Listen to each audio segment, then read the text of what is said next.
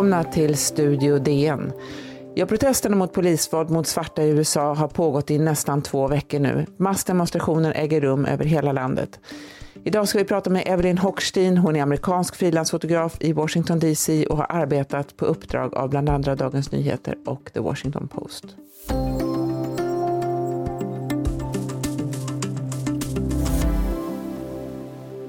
Ja, protesterna i USA fortsätter. Politiska bedömare och aktivister jämför dagens demonstrationer med rasrelaterade protester och kravaller på 60-talet och vad som kan vara annorlunda den här gången.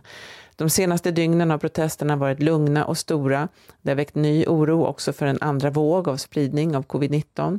I Washington har dragkampen mellan Vita huset och District of Columbia, som är den administrativa staden, ställts på sin spets. Borgmästaren i DC, Muriel Bowser, har låtit byta namn på flera platser i Washington och låtit måla texten Black Lives Matter med 10 meter stora gula bokstäver på en gata som leder rakt mot Vita huset. Evelyn Hochstein är frilansfotograf i Washington och har bevakat protesterna sedan de tog fart. Hon har lång erfarenhet av att bevaka medborgarrätt och mänskliga rättigheter i USA och i andra länder. Hi Evelyn. Hi, good morning. Good morning. You're a freelance photographer based in DC. You have covered uh, a number of protests over the years. And in DC, uh, the protests were initially partly violent, but they have calmed down. Can you just describe what you've seen and photographed the latest few days? It has been really a remarkable transition. Um, it started off quite remarkably, and it did turn into um, a few chaotic nights. But overall, I would say it's been quite peaceful. And the past several days and nights have been um, quite beautiful displays of unity, uh, call for change, action, anger, frustration, really every human emotion. And it's been it's been very powerful to witness. And considering that uh, I think we're on day 11 in Washington, D.C., it's been going on longer in other cities. Um, the number of people each night keeps growing, or each day, I should say. And it's really quite a testament to how the death of uh, George Floyd has sparked such um, a renewed I wouldn't say renewed exactly. There's, it's always existed, but just a renewed desire to say, hey, things aren't working, things aren't changing, this keeps going on. We've got to stop this. We've got to put an end to police brutality, Black Lives Matter, and um, and it's it, has been remarkable to witness, truly, and the fact that it's global. Um, I think that's really incredible as well.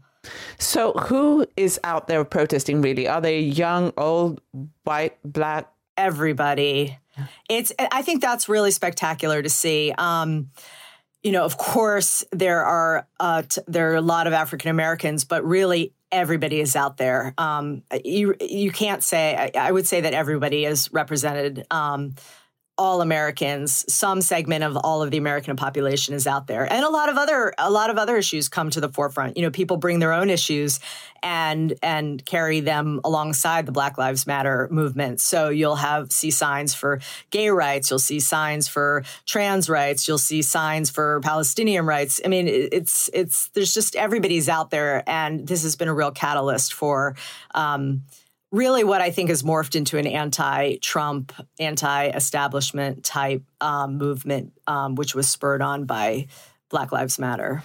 This is what one of them said. This uh, man is called John Allen, and you recorded him uh, the other day. I've seen it repeatedly. Trayvon, Trayvon Martin, the jogger in North Carolina that was was chased for four minutes and then shot in the back. Um, I mean, there are just too many instances uh, of poor behavior on the part of the police. And it's just unfortunate. And if any time the country needed a leader, it would be now. And he doesn't lead, he divides. Would you say that this man is representative from the stories you hear from why people come out? Absolutely. Um, I think that probably that is the main thrust of of the people out on the street are that the that President Trump um, sitting in the White House is not healing this nation or bringing this nation together, but rather dividing the nation and not really understanding um, or doing or acting on um, all of the instances of police brutality. And people are extremely frustrated, and that's what has fueled this rage and this anger and brought people to the streets. And uh, I think that most people are feeling that the White House has provided no leadership from what I have heard from people on the street. You also told me before that the White House used to be very accessible for people, and now the, over the events during the past week or, or 10 days or so, there's increased fencing. And can you tell me what has happened with that fence? This has really been quite stunning. Um, you know, Washington, D.C., and most most government, I mean, the United States government is should be accessible to the people. So in Washington D.C., you can go into the U.S. Capitol, you can go into the congressional buildings, you can knock on your congressman or your senator's door. They may or may not be there, but you have access to the people that represent represent you. And the White House has always been called the people's house. You could walk right up to the fence. You could um, take photographs. The fence has gotten, you know, very close to the lawn of the White House has has grown in years just because there have been cases of people jumping the fence or even in fact getting into the White House when President Obama was was in office. But now and in front of front of the White House is, is Lafayette Square Park, which is a beautiful park and a place where people would come throughout history to gather and protest and make their voices heard. That entire park now and I don't know how many hundreds of meters it is away from the actual White House, has been blocked. Been the White House has been encircled by a massive black fence. Um, double fencing in some places and it's it's obscured all obscured and not only and blocked access for people so people are now protesting in the streets um, and i just think that that is new in history and um, it's just not representative of what kind of protest that what the United States and the protest movements are about and freedom of speech. Um, perhaps President Trump felt threatened by protesters, but this fencing goes beyond the boundaries of the White House. This goes onto public. Um, you know, Nat Park, basically, and is preventing people from even getting close. And it's become a, a place for art now. It has. So now this entire fence, which I think initially probably President Trump thought was a symbol of strength, and um, which I think really enrages people because people are trying to bring a message to the government and it, they're so far removed and he's created this this barrier. It's like I'm not listening to you. I'm not hearing you. I don't want to see you. Um, I've, I've, I've pushed you so far away. Your message is not reaching me, which I believe people are feeling. But now this fence, which I, I presume he must have felt, you know, was the symbol of strength that, you know, you can't, you can't, you know, push into my my space and and this show of force, uh, people have turned into an art space. So they've hung posters and photographs and slogans and flowers and balloons and messages and and drawings. I mean everything all along, and a huge Black Lives Matter um, banner is right in, directly in front of the White House, which is really just black, you know, Black Lives Matter and the White House. It's just a stark um, juxtaposition. Um, and so I think it's ironic because now it's really become like a very symbolic anti.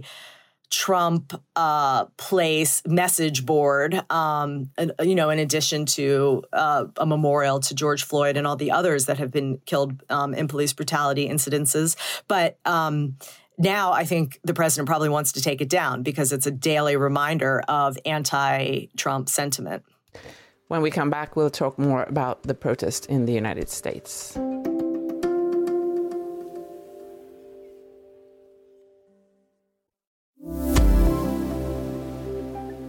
So this is interesting because there's been this standoff also between the White House and the DC mayor Muriel Bowser. Uh, she, the city renamed streets and the plaza with Black Lives Matter. This is what Muriel Bowser said? Well, we've commissioned uh, the the artwork. We re- renamed the plaza, and I'm thankful to the council for uh, codifying uh, that renaming to Black, Black Lives Matter Plaza. Uh, we think it's going to uh, have a central place, not in just DC history, but in American history and we should be proud of it. So Muriel Bowser herself, African American, is a mayor in Washington D.C., which is a very liberal city. What were what were the reactions to to this? Well, to these um, initiatives.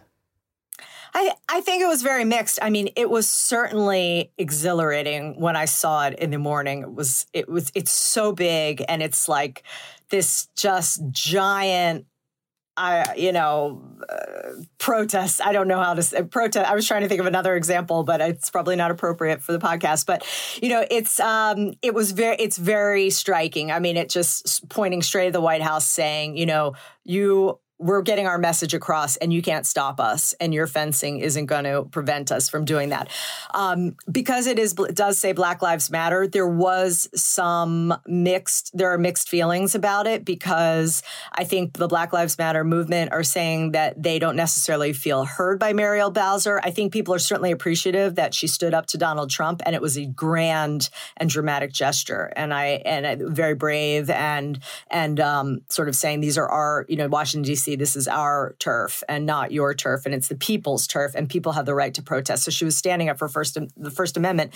But Black Lives Matter certainly feel like their message may have been co-opted. Um, she used their slogan. They are calling for defunding of the police. Washington D.C. has you know a fairly strong police um, force. Uh, I think it's a city going through a lot of gentrification issues. So um, there are issues, social justice issues that are happening in the city. Um, so I think those issues maybe uh, some Black Lives Matter and other protesters um, didn't appreciate her, but then they responded by adding um, their own mural to the end of the mural that said "defund the police." So it was sort of a counter a counter message, and that's still there. It hasn't been removed or anything like that. I think it's just this is Black Lives Matter Plaza is a space she created for idea, ideas and protests to happen until this fence comes down. There's been a number of incidents on attacks of reporters and photojournalists over the, the past couple of weeks. Um, what attitudes have you met as a photographer? Um, you're usually in the in the very front line. Yeah, this is, I've seen terrible footage. Um, I have been okay. I mean, the first few nights of clashes, certainly when I was photographing the protesters, I was getting hit by pepper pellets and pepper spray, and I was in the thick of it. And I do feel like, you know, if you got too close, the police certainly would fire. You know, I'm, I'm clearly uh, identifiable as a journalist, but I wouldn't be spared just like the protesters. And I got hit quite a bit with these um, pepper pellets. Um, but I didn't feel personally targeted. Um, it, because I was a journalist and I also felt very good um, in the crowd. And I have certainly felt a lot of anti media sentiment in the past few years and threatened while covering other events um, where we're considered to be the fake news and the crowds can really turn against the media. I've never, I, have been welcomed here in these crowds. I think people want their experiences documented. I mean, perhaps when the looting was happening, things like that, people don't want their photographs taken or their faces shown. But I, I didn't feel hostility. However, um, I didn't feel the brunt of it. There was an Australian camera crew that was attacked um, and hit right outside the White House on the day that President Trump was moving the protesters out of um, the streets in order to go to the church and do his Bible photo op. And um, I was pushed back with the crowd, and that was quite dramatic. And there was a lot of tear gas and and and a very strong show of force. But it wasn't until after that I saw this um, cameraman getting hit in the face. So that sort of made me realize, okay, I've got to you know be careful and be aware there are there is a chance to be, you know, knocked down by the police. Um, but I felt like as long as I was moving with the crowd when they were pushing us back, I felt okay. But um, clearly, I was maybe naive about that because there were incidences of violence against journalists. Yeah. Do, I mean, you covered also the events in Charlottesville in 2017. Can you just quickly, did you feel more threatened there because it was another crowd or was it? Um, I felt tense, very tense in Charlottesville. Um, again, I didn't specifically feel targeted because I was a journalist, but it was also extremely chaotic. I mean, I d- felt targeted. I felt threatened in other ways. Um, you know, I did have a few times people, you know, kind of they didn't touch me, but they they certainly put their um, hands in front of the camera. And and in Charlottesville, I got it from both sides. I got some Antifa who were not interested in having their photos yeah. taken, and they're very aggressive about not being photographed. And then I also got a lot of anti-Semitic um, hatred. I mean, I don't you know, people just made assumptions about me and um, said some really awful things about being Jewish and the the media and all these terrible anti-Semitic tropes. Um, so I did have that, and that was quite scary. But I didn't feel physically threatened. However, in Charlottesville, I was constantly worried because everyone there was armed. That if um, you know any anybody just decided to shoot, it would just turn into a bloodbath. Now, again, in Charlottesville, someone weaponized a vehicle and drove it into the crowd and killed Heather Heyer and injured, you know, scores of people. So there are always these real threats. Um, but at, you know, in the moment when I'm doing my job, I haven't personally felt I didn't feel totally under threat. But you know, I wear a helmet. I take precautions. I'm quite aware. I, I try to be cautious. Yeah. Um, so, just a, a last question: Do you think that this time around it's different this time with the protest? I mean, you've been covering this for for many years.